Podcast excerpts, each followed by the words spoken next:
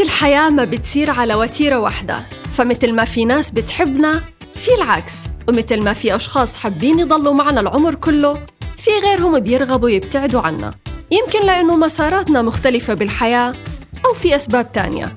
على أي حال بس تلاحظ وجود شخص حابب يبتعد عنك أول شي لازم تتقبل الأمر بكل بساطة. وما تضغط على نفسك وترهقها بكتر التفكير أو إجبار الشخص على البقاء بحياتك.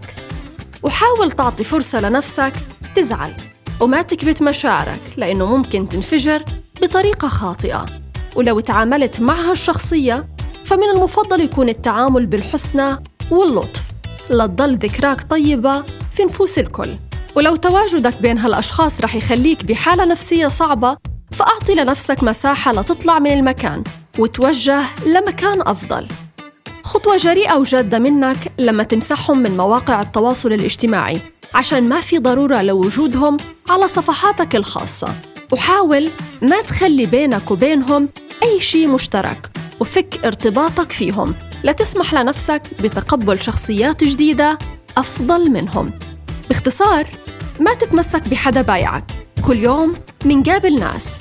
وإذا كان الطريق اللي مشيته نهايته أذتك امشي بطريق جديد لحد ما تصل للي يشتري خاطرك ويعوضك عن كل شي وتذكر إنه الأيام كفيلة تنسيك كل شي وحتكون مع الشخص الصح بس اشتغل على نفسك بالوقت الحالي لتلتقي بروح تشبه لك.